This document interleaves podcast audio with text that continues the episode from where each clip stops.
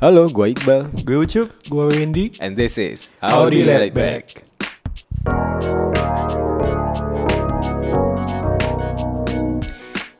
Cup, Wen, Yuk.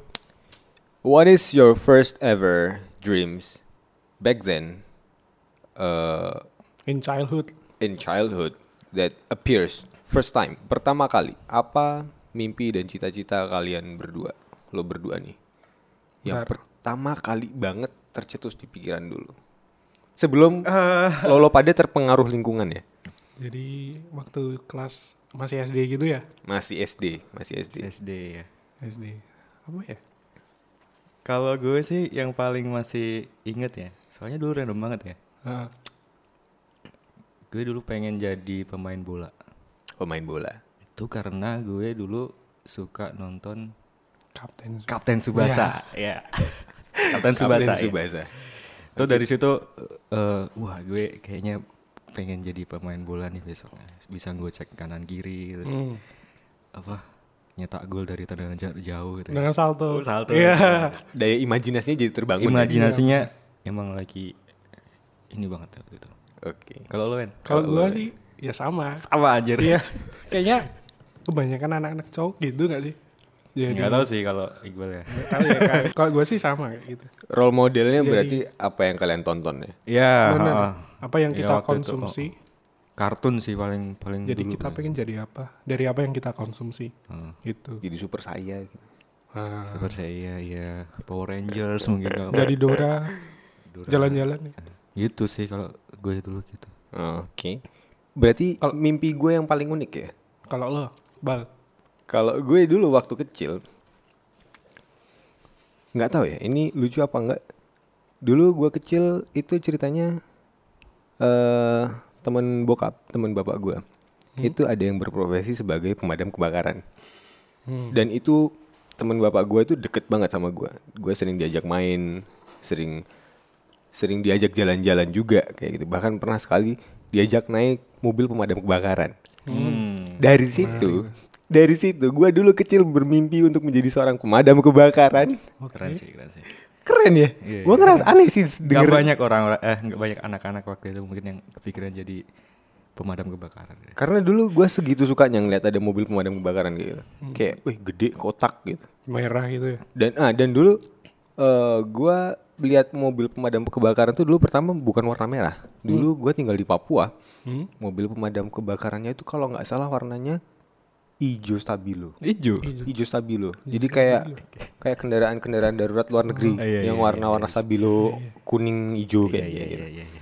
Itu keren banget dulu gua ngeliat itu. Itu keren habis gitu loh. Dari situ gua kayak pengen wah gua mau jadi pemadam kebakaran besok. Kayak gitu. Itu sih. Ada tapinya nggak ini? Enggak, enggak ada Nggak tapinya ada. sih, Oh, enggak ada nggak ada. tapinya. Tapi semenjak gede, oh iya Nggak, ada. Ada kan? Ada. Itu yang gua tunggu dari Ada. Setelah gede, oh dulu kecil itu gua sampaikan ke orang tua kan. Hmm. Dan orang tua gue kayak terutama bapak gue kayak yang, "Hah, kamu mau jadi pemadam kebakaran?" kayak gitu. Kayak nada-nadanya gua gua menangkap bahwa kayak itu agak di bukan ditertawakan cuma dipertanyakan gitu. Kenapa? Kenapa pemadam kebakaran kayak gitu. Ada yang salah. Ah, Iya, gua ngerasa kayak oh ada yang salah ya dari dari cara pandang gua untuk menjadi seorang pemadam kebakaran ada yang salah ya kayak gitu. Dari situ kayak udah mulai kebentuk tuh, Hmm. udah mulai terkotak tuh mindsetnya. Oh begini salah kayak gitu. Iya iya. iya. Emang secara nggak langsung udah di setir dari Udah kecil ya kita ya. disetir, udah disetir, Iya udah iya. dikotak-kotakin tuh mindsetnya. Gitu. iya. Benar benar benar. Ngomong-ngomong soal cita-cita, hari ini kita mau bahas apa sih cup? Cita-cita. Cita-cita. Iya, cita-citaku. Ah, itu tadi waktu kita masih kecil ya. Sekarang kita udah 20 han 20 tahun sekian. ya, 20, 20 sekian. ya. sekian. Dan kayaknya eh, orang-orang di umur 20-an cita-citanya apa ya? Nggak nggak sesuai dengan apa yang dia cita-citakan waktu dia kecil. Hmm. Bisa dibilang di umur segini nih cita-cita masih menjadi sebuah isu ya. Sebuah isu. Maka dari itu hari ini kita akan membahas Teret teret. Apa tuh? Quarter life crisis. Quarter life crisis. Ya, quarter life crisis. Ya. ya, dan di sini kita nggak mungkin bahas cuma bertiga karena notabene kita di sini Nggak ada background. nggak ada background yang menguasai ilmu nyerempet-nyerempet ke sana ya.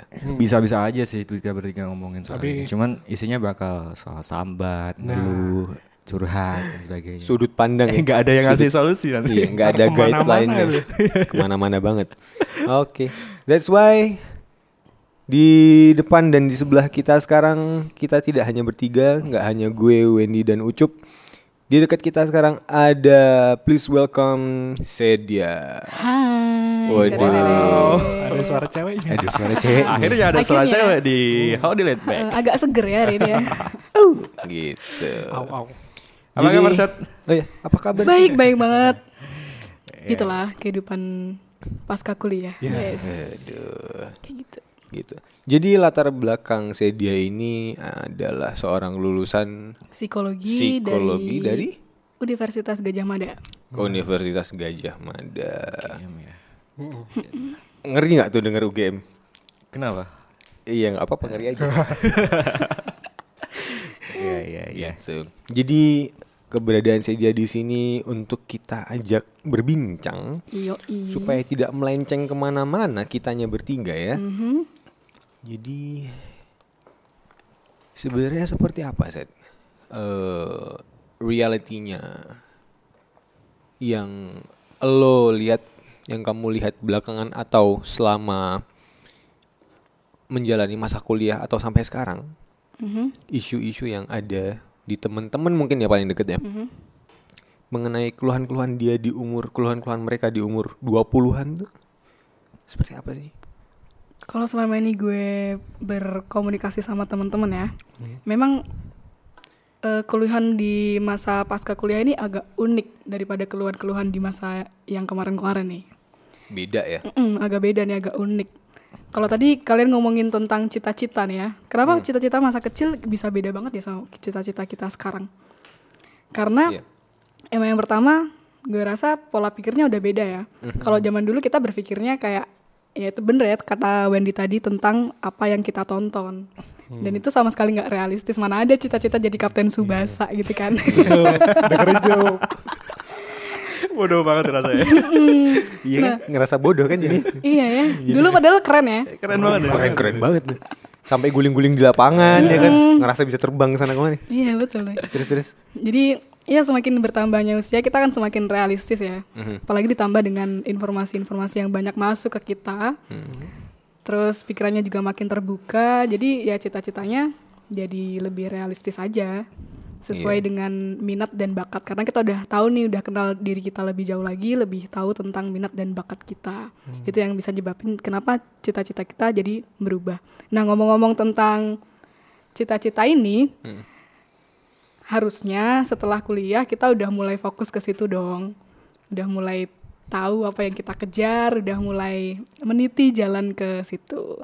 Tapi Harusnya ya. Harusnya. harusnya Harusnya. Sebaik. harusnya sebaiknya Tapi. ekspektasinya seperti Heeh. itu. Tapi kenyataannya nggak semulus itu, Bro. Betul. Betul, banyak banget apa ya halangan dan rintangan mungkin ya kita hadapi ya. Mm-mm. Dan kadang-kadang itu bikin kita merasa tertekan. Nah, itulah Betul. perasaan tertekan ini yang kadang disebut sebagai quarter life crisis. Sebenarnya kalau dari sudut pandang psikologi ya, Hmm.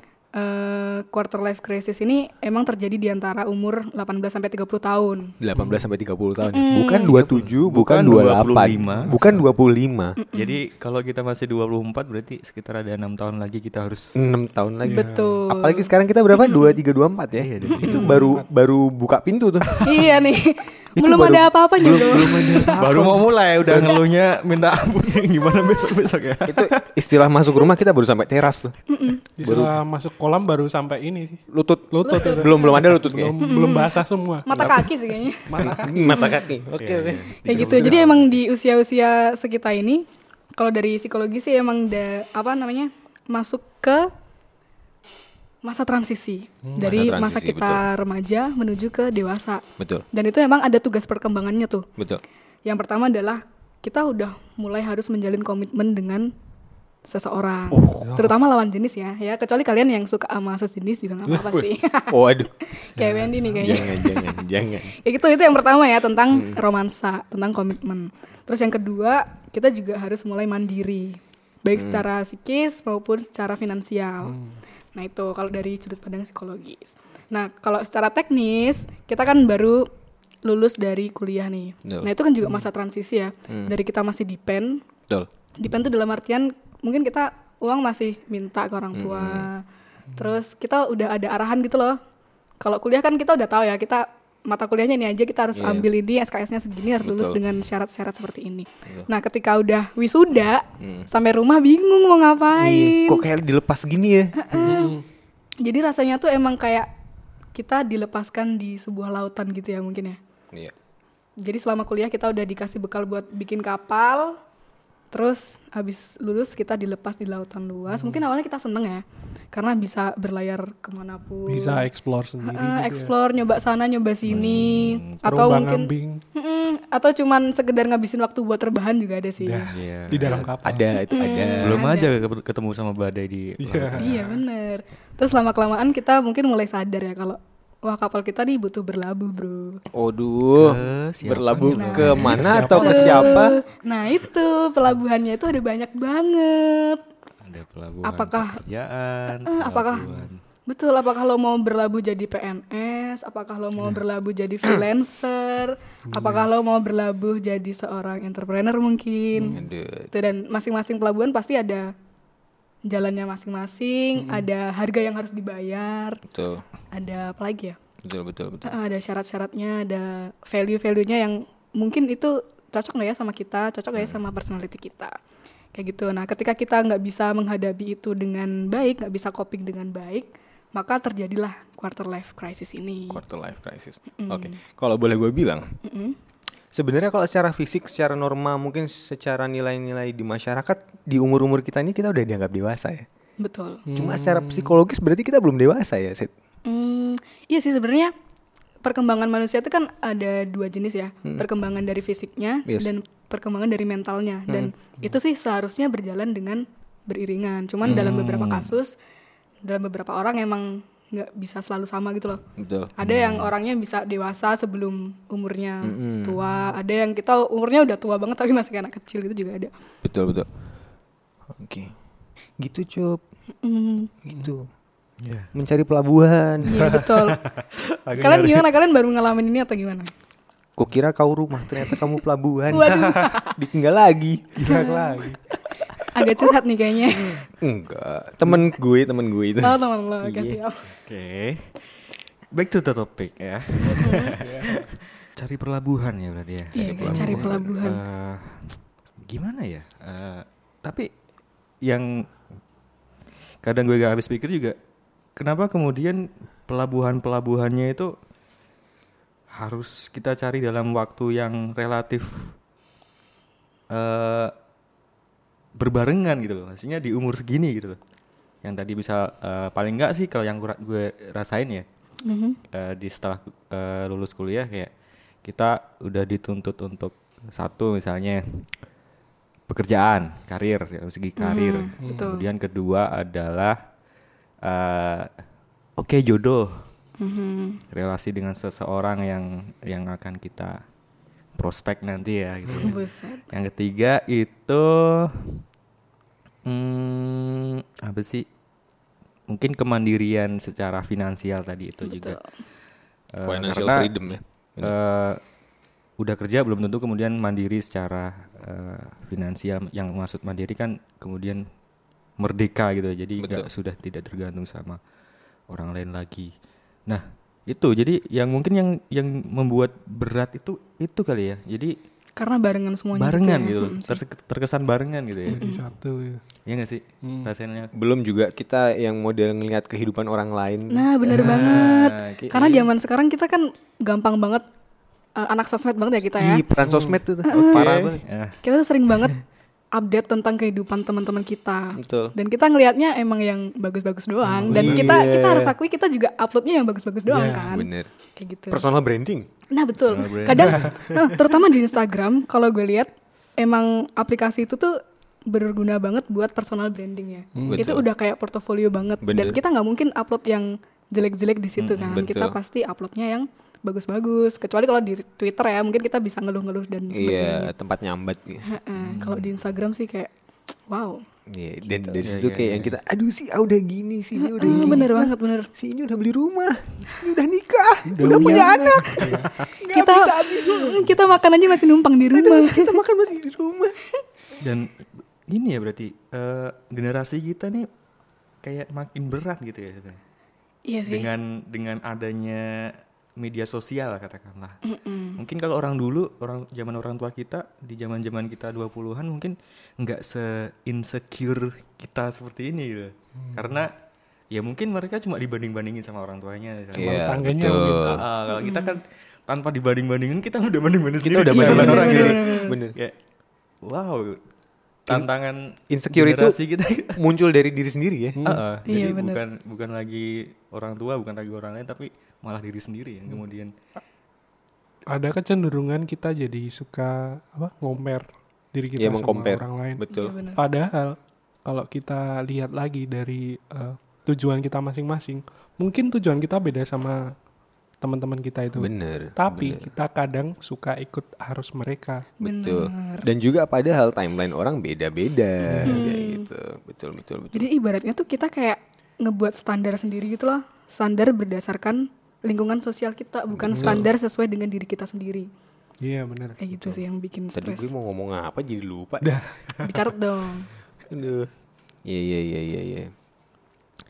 Dan itu erat kaitannya dengan keberadaan anxiety ya berarti. Hmm, Betul. Iya sih. Hmm.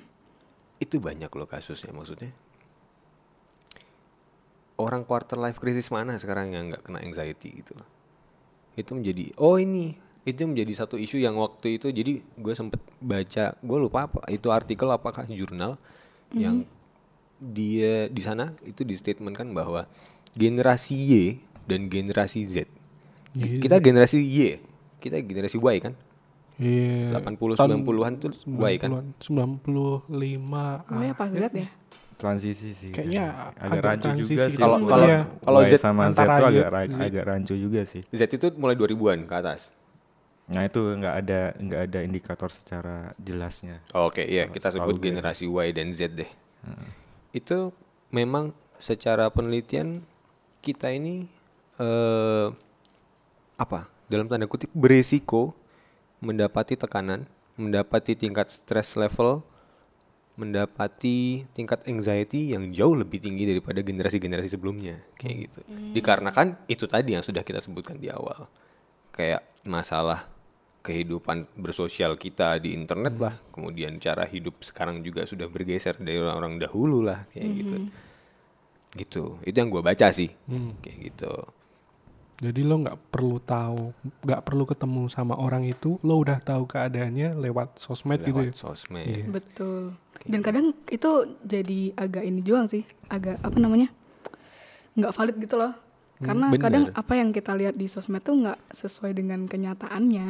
Itu It's tadi not- loh, karena iya, orang iya, kan betul, personal betul. branding di situ betul, kan. Betul, betul. Betul, It's not their real life kadang-kadang ya Yes. kan. Kalau kalau kalian sekarang lagi gimana nih? Ngerasain itu nggak sih atau biasa-biasa aja? Hmm, Mulai dari lo deh, Cup.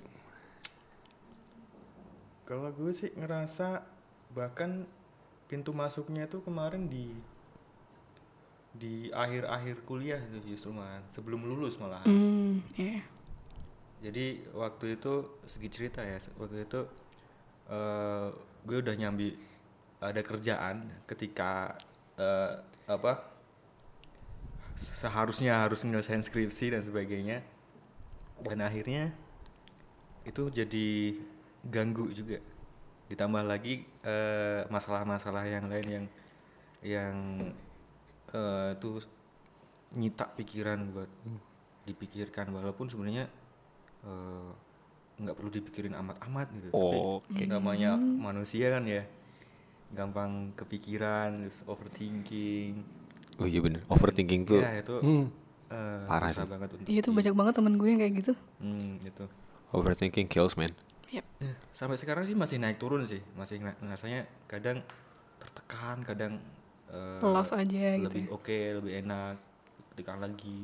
Mungkin ya, ya itu ya fasenya emang lagi naik turun belum bisa stabil gitu ya. Bener-bener. Gitu sih kalau gue. Kalau lo Wen?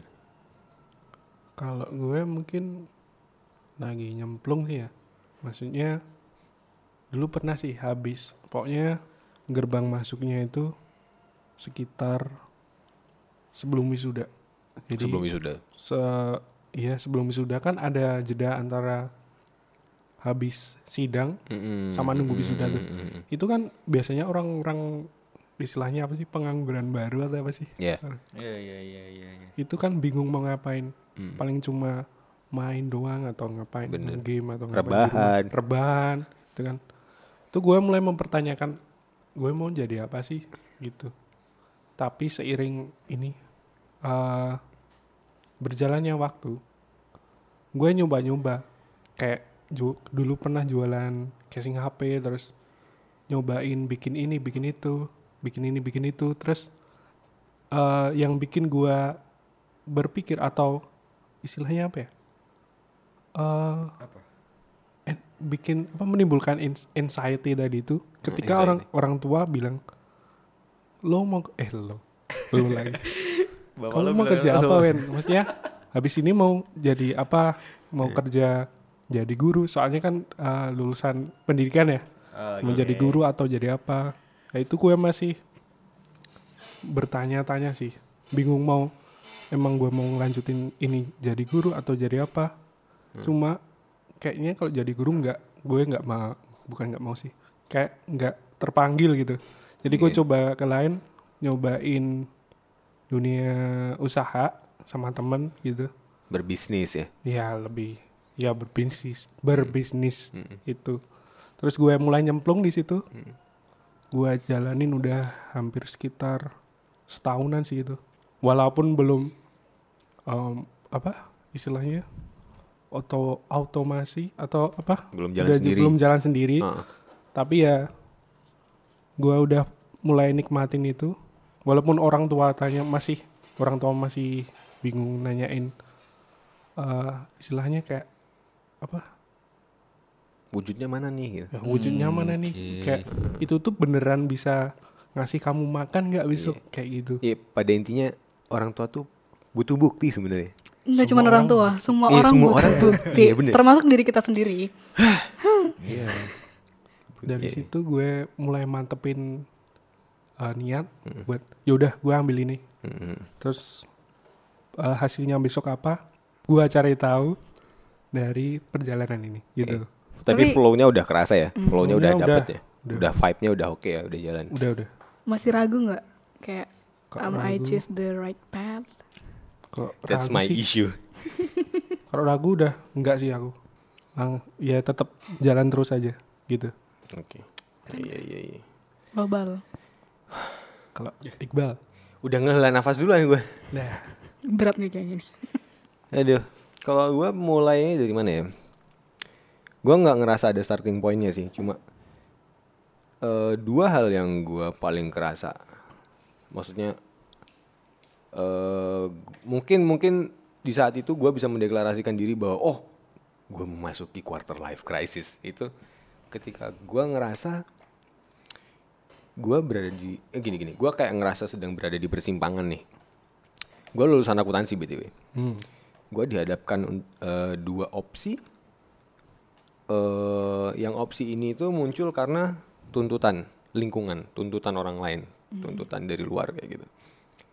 Lo mau ke mana nih Dav lo mau ngantor atau lo mau eh make yourself eh, money. Maksudnya lo mau hustle and struggling sendiri untuk mencari uang kayak gitu. Ya nggak ngantor istilahnya gampangnya kayak gitu. Nah ketika gua menghadapi dua pilihan itu ketika gua berada di persimpangan itu di saat di sisi lain gue ngerasa kayak waktu itu terus berjalan kayak gitu loh. Timeline gue terus berjalan nih dan timeline temen-temen gue terus berjalan juga. Dan di situ kayak gue ngeliat teman-teman gue anjir udah pada kayak gini udah pada kayak gini udah pada kayak gini udah ada yang itu tadi udah ada yang nikah lah udah ada yang kerja di mana udah ada yang kantor di mana kayak gitu. Itu isu terberat yang gue hadapi kemarin sih.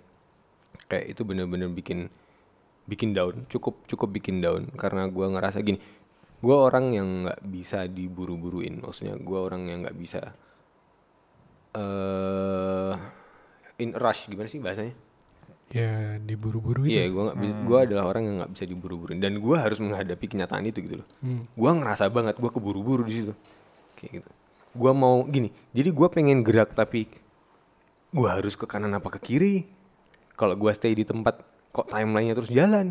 Tapi kalau gue milih, gue takut ketika gue udah nyemplung, gue salah pilih, kayak gitu. Gue takut kalau ntar udah nyemplung, "Wah, anjir kenapa gue milih yang sini ya, kayak gitu.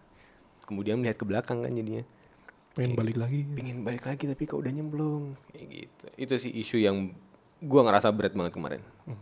Kayak gitu. Ya Sampai sekarang masih. sekarang bisa dibilang masih tapi nggak separah kemarin sih karena I've decide what I want kayak gitu. Sekarang gua udah nyemplung nih. Ya udah. Oke. kayak gitu sih. Dan Gitu. pertanyaannya adalah Hmm. Gimana caranya kita eh, tahu kalau kita tuh milih pilihan yang tepat. Nah, ini yang jadi Ini agak mind blowing sih. gue pernah eh apa lihat videonya Gary V. Gary V Ada orang nanya kayak gitu, gimana bagaimana kita tahu kalau kita mengasih apa?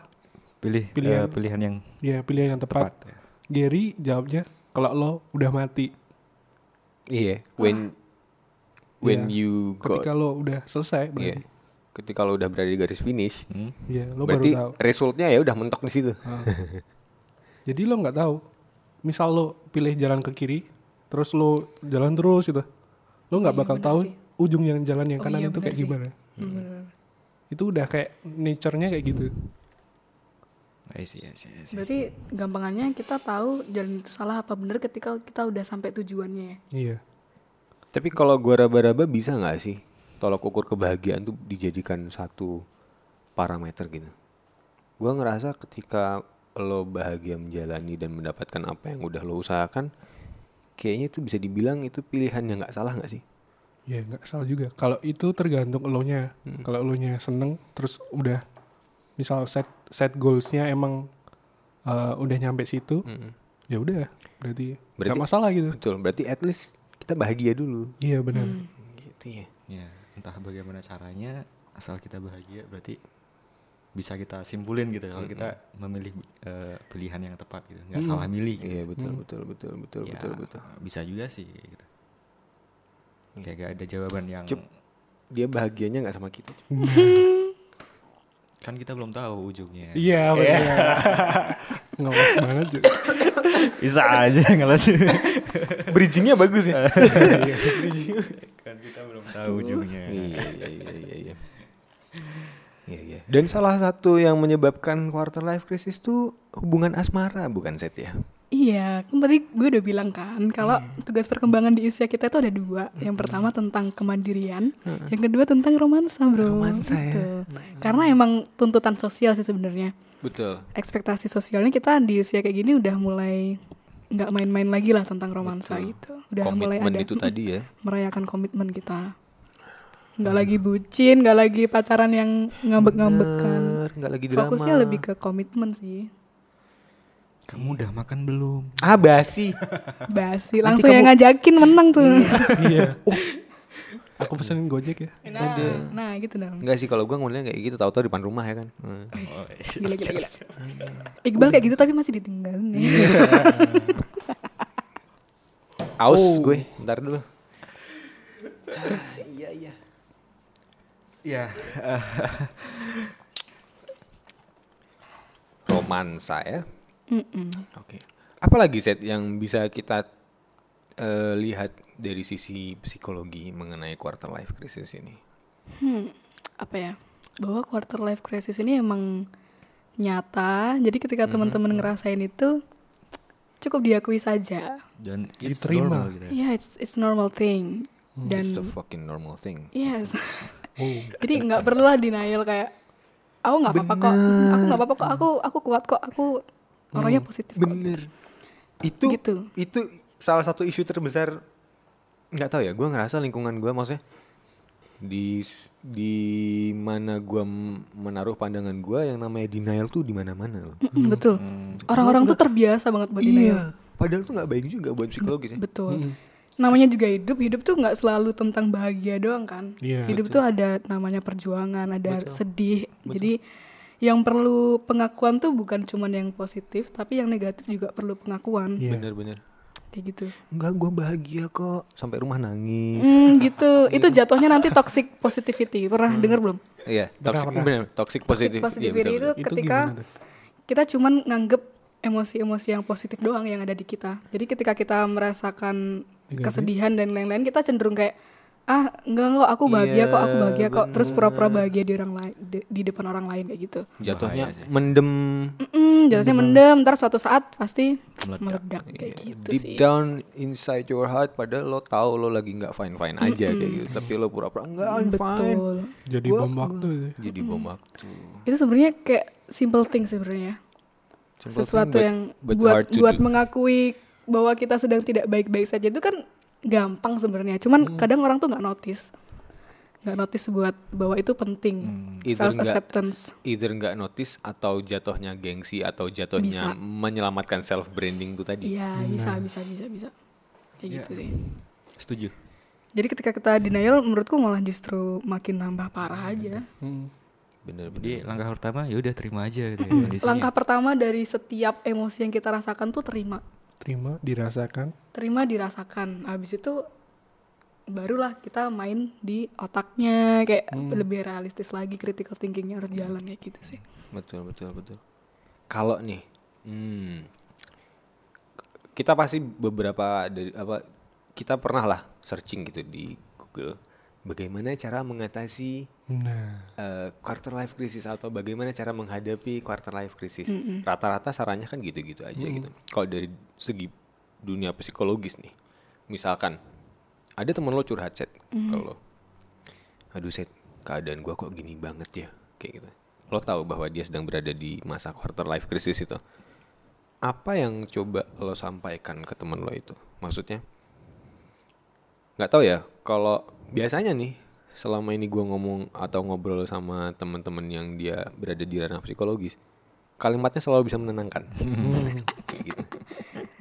apa yang yang mungkin bakal lo sampaikan ke temen lo itu ketika lo didatangi temenmu dan dia curhat masalah quarter life crisisnya hmm.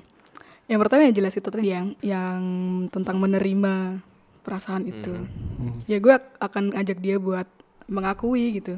Mengakui bahwa it's a normal thing dan lo nggak sendiri gitu loh. Bener. Lo nggak sendiri. Bener, bener, bener. kadang kita berpikir aduh masalah kita tuh yang paling berat. Bener. Ah, itu. Padahal menurut gue ya, menurut gue setiap orang di dunia ini punya, Punya masalahnya masalah masing-masing. Bener. Dan kalau diukur sama Tuhan tuh ya, beratnya tuh sama, cuman wujudnya aja yang beda. bener. Kayak gitu. bener. Bisa Jadi- diomong porsinya dan sendiri-sendiri gitu. Heeh, porsinya sendiri-sendiri disesuaikan dengan kemampuan kita masing-masing. bener Kayak gitu sih. Jadi lo tuh nggak pernah sendiri dalam menghadapi masalah ini. betul Nah gitu. Jadi ketika lo ngerasain itu, carilah teman-teman buat Yang senasib. ngobrol.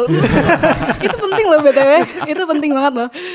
Jadi kita bisa sharing, berbagi rasa gitu lah. Iya, that's why kita sering bertemu akhir-akhir ini ya. Oh gitu ya. Gue nggak ikutan dulu. tiap ketemu nunduk doang ngelah nafas nafas. Satu, dua dan seterusnya. sampai bikin timer kita iya bener bener dan itu gua ngerasain banget maksudnya ketika gue sedang menghadapi satu masalah dan gua menemui orang lain yang menghadapi masalah yang sama maksudnya gambaran masalah yang sama gua ngerasa kayak oh iya gua nggak sendirian kok kayak gitu. dan itu kayak eh somehow relieving gitu. Maksudnya meringankan beban yang ada di hati gitu. Itu bener banget sih.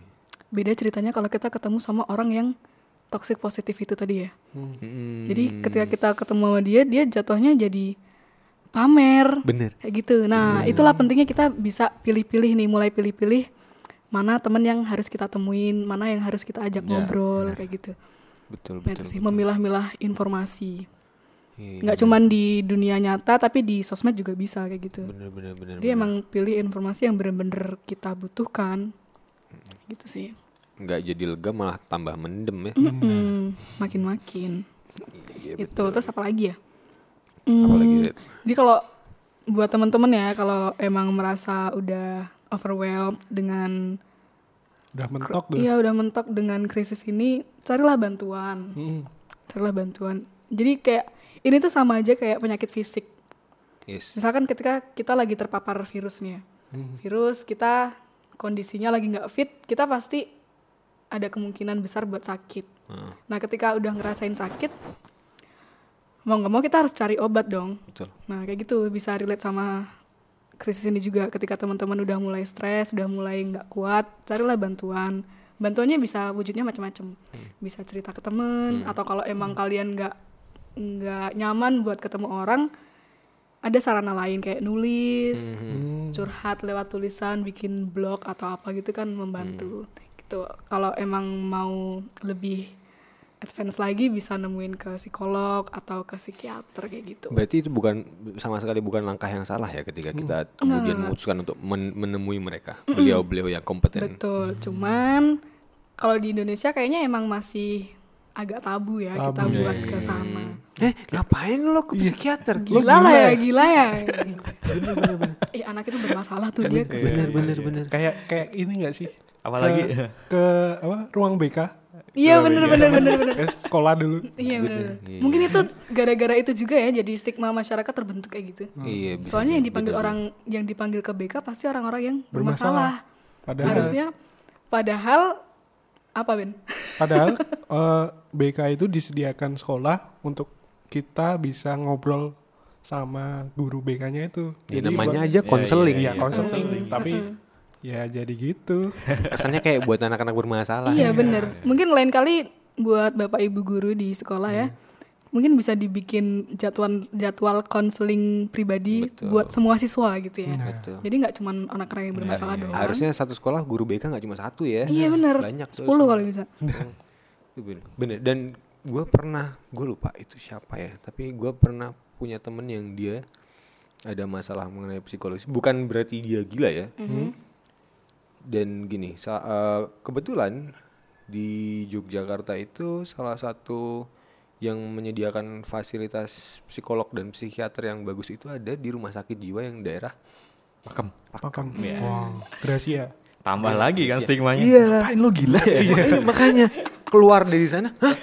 Lo habis dari Gracia, lo dari Pakem ngapain? Oh gila ya. Padahal cuma nemuin psikolog sama atau psikiater gitu loh. Dia mencari solusi tapi udah kayak di framing lo gila.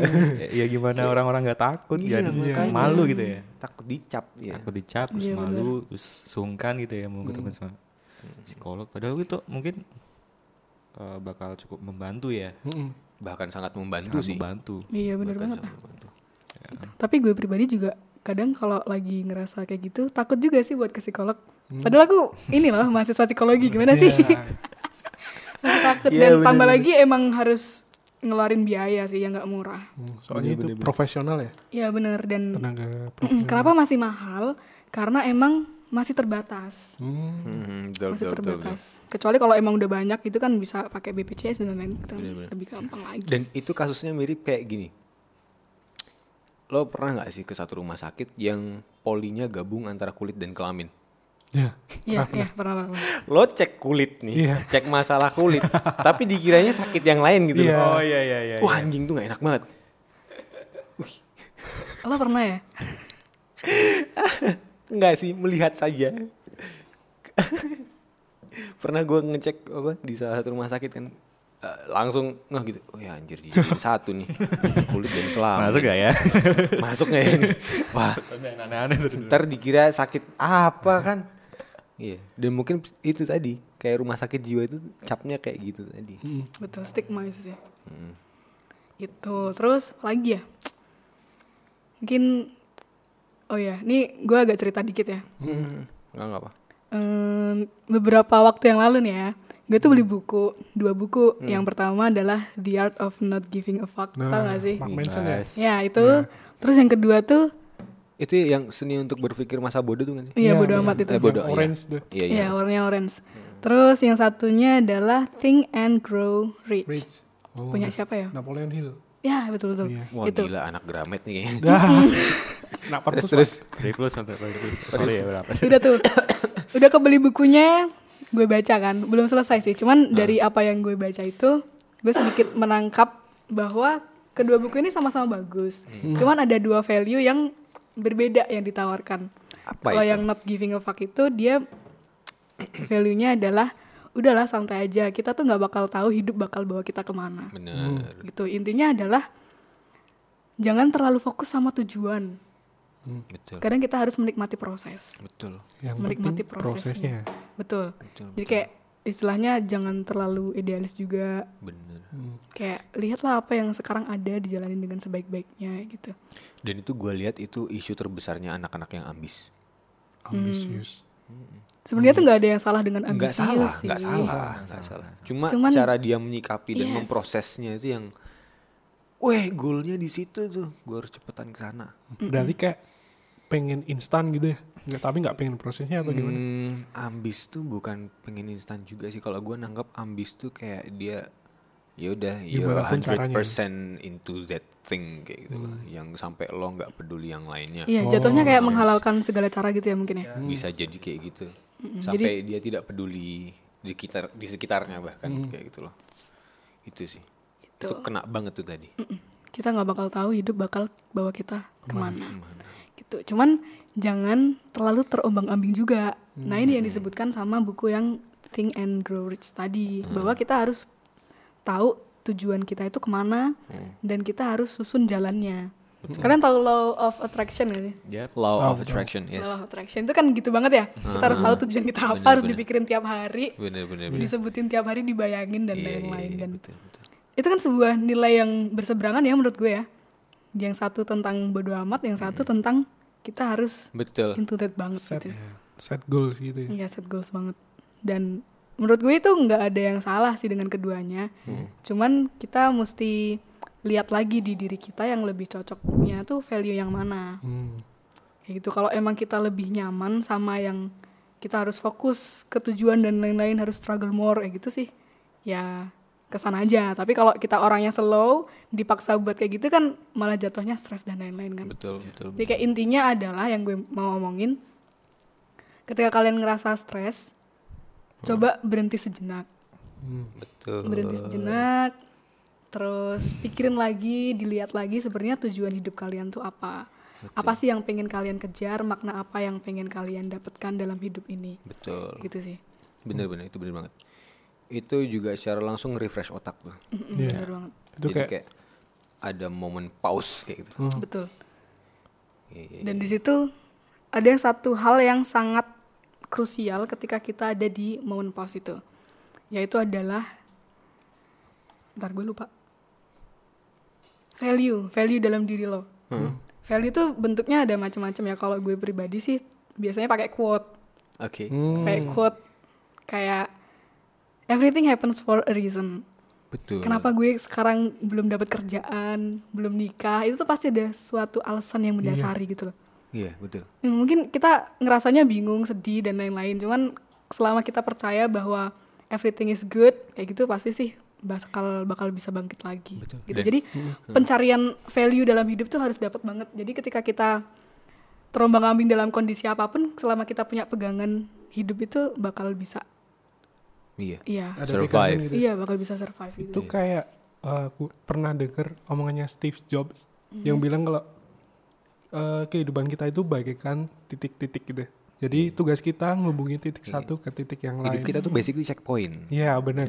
Betul, betul. Tapi kita nggak bisa ngehubunginya itu ke depan. Soalnya kita belum tahu. Betul. Kita cuma bisa ngehubunginya ke belakang. Nah, yang harus kita lakukan itu uh, apa? Percaya, percaya kalau titik yang sekarang kita pijak itu bakal bawa kita ke titik Bakal selanjutnya. nyambungin ke Iya. poin. Kayak gitu. Dan itu kalau gua boleh bilang itu apa ya? eh, sedikit banyak itu sebenarnya nilai religiusitas nggak sih? Nilai spiritual. Iya. Eh betul Iya. betul banget. Oh. Maksudnya Bener-bener. kayak gue yakin kok sebenarnya kenapa gue sekarang kayak gini nih yang di atas tuh sedang menyu- menyusun rencana buat gue kayak gitu kayak ya dan itu itu bener-bener kayak meringankan beban hati sih bisa Iya. mendapatkan perasaan kayak gitu kayak jadi lo ada keyakinan dan ada kepercayaan bahwa oh mungkin belum waktunya kayak gitu dan oh apa yang sekarang gue terima ini sebenarnya nggak sia-sia Betul. kayak gitu loh sebenarnya ada ada sesuatu ini yang menunggu gue di depan sana kayak gitu. cuma kitanya aja yang belum tahu kayak gitu kan Iya Betul, belum betul. gitu sih ya ya ya ya, ya. Dan satu hal yang juga eh, gue yakini ya, jadi yang bisa nolong kita dari ini sebenarnya diri kita sendiri ya.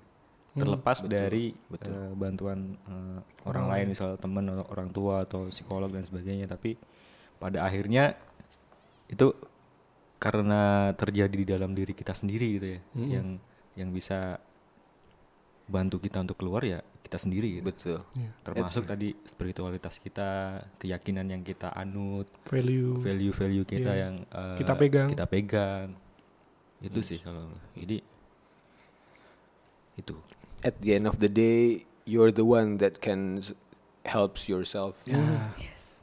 Iya, iya, iya. dan gue jadi tadi agak keinget si dia ngomong kalau salah satu bentuk penuangan apa kita menuangkan Ekspresi ekspresi, emosi. kita dengan cara menulis. Kayaknya lo butuh ngeblok lagi deh. Iya. Iya kayaknya lo belakangan stres karena lo nggak pernah nulis deh. Bikin diary lagi cup kayaknya cup. Ada di buku tapi nggak dipublikasi Iya. itu itu yang bikin mendem kali.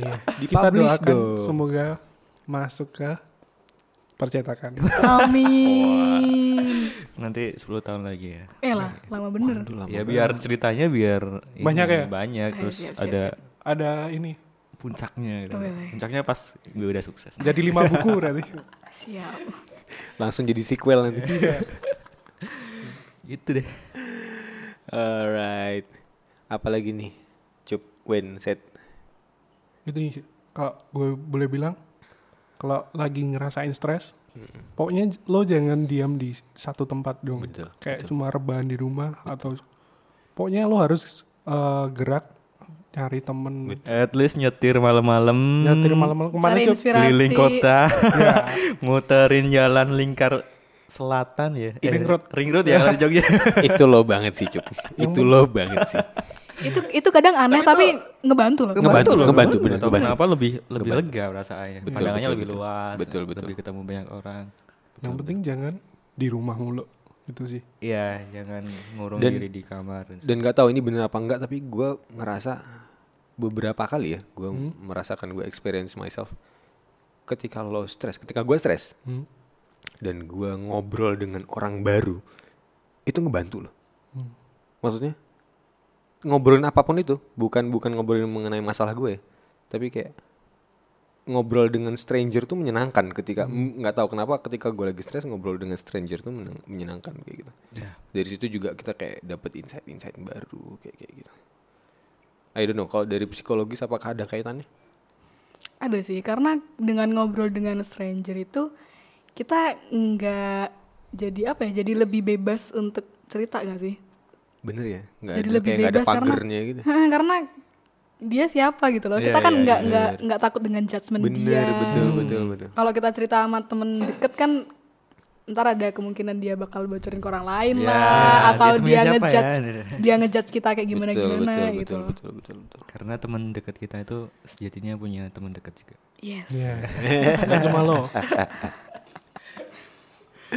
Iya iya iya iya iya iya. iya. Ada lagi nggak nih? Ada lagi nggak nih? Tapi nggak semua orang bisa ngobrol sama stranger sih. Nggak iya betul. Nggak semua orang bisa ngobrol dengan Ya stranger. itulah fungsinya kita harus kenal banget diri kita tuh kayak apa. Betul. Gimana sih cara coping yang paling sesuai buat kita tuh ya kita sendiri yang tahu. Kalau emang nggak bisa speak up, meditasi juga membantu menurut gue. Hmm. Meditasi yoga gitu kan bisa lebih rilis stres juga ya. Iya. Gue belum pernah nyoba sih kalau. Eh, itu seru belum. banget loh. Seru, iya. seru, seru, seru. Ajarin lah. Iya, kapan-kapan. Kapan-kapan lah. Buka kelas yoga ya di Audi. Iya, bener-bener. Di Audi. Buka kelas yoga. bisa kayaknya bakal banyak peminat Banyak orang stres dong berarti. Iya, ya. Kesimpulannya. Kesimpulannya banyak orang stres dong. Oke. Anything else from you guys? Mungkin ada pesan-pesan set untuk teman-teman entah teman-teman lo, teman-teman Siapa pun itu. siapa pun itu. Pesan dari gue sih, it's okay to be not okay. Yap. Aduh, iya betul. It's Itu- okay to be not okay. Sering banget gua baca di di mana-mana. Iya, itu baru ini banget ya. naik daun ya kalimatnya tuh. Tapi itu bener loh. It's okay, Itu bener. okay It's okay not to be okay. Ya, it's okay not to be okay. Tapi jangan yuk serba mengeluh ya. Ya. Harus tetap semangat dong. Iya, Mantap. jangan dikit-dikit denial lo. Lupa deh. Gitu. Oke, mungkin ada satu kalimat mutiara pamungkas dari Mutiara Pamungkas. Mutiara Pamungkas. Jadi kalimat orang ya. mutiara yang Pamungkas. pamungkas. Gitu. Itu tadi bro. Itu tadi. Mau apa lagi sih? Oke. itu. Conclusion from you, Cup. Ada nggak? Ah. Apa ya? Yes, eh, intinya percaya aja sih sama diri sendiri. Maksudnya fokus sama tujuan yang udah kita eh, yakini. ya. Hmm.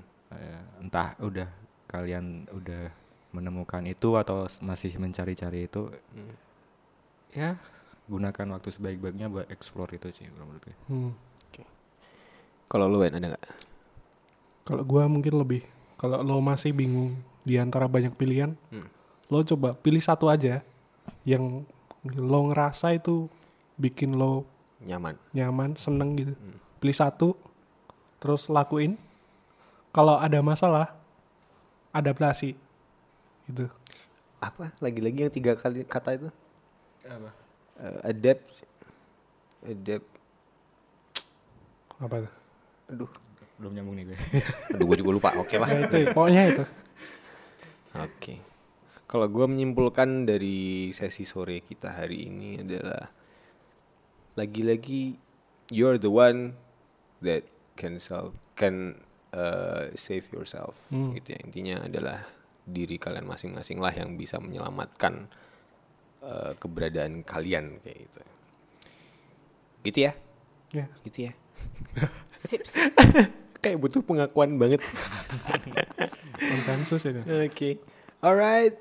That's enough for uh, this episode session of How Laid Back. Gua Iqbal. Gue ucup. Gua Wendy. Gue sedia. And this is Howdy Howdy Laid Laid Back.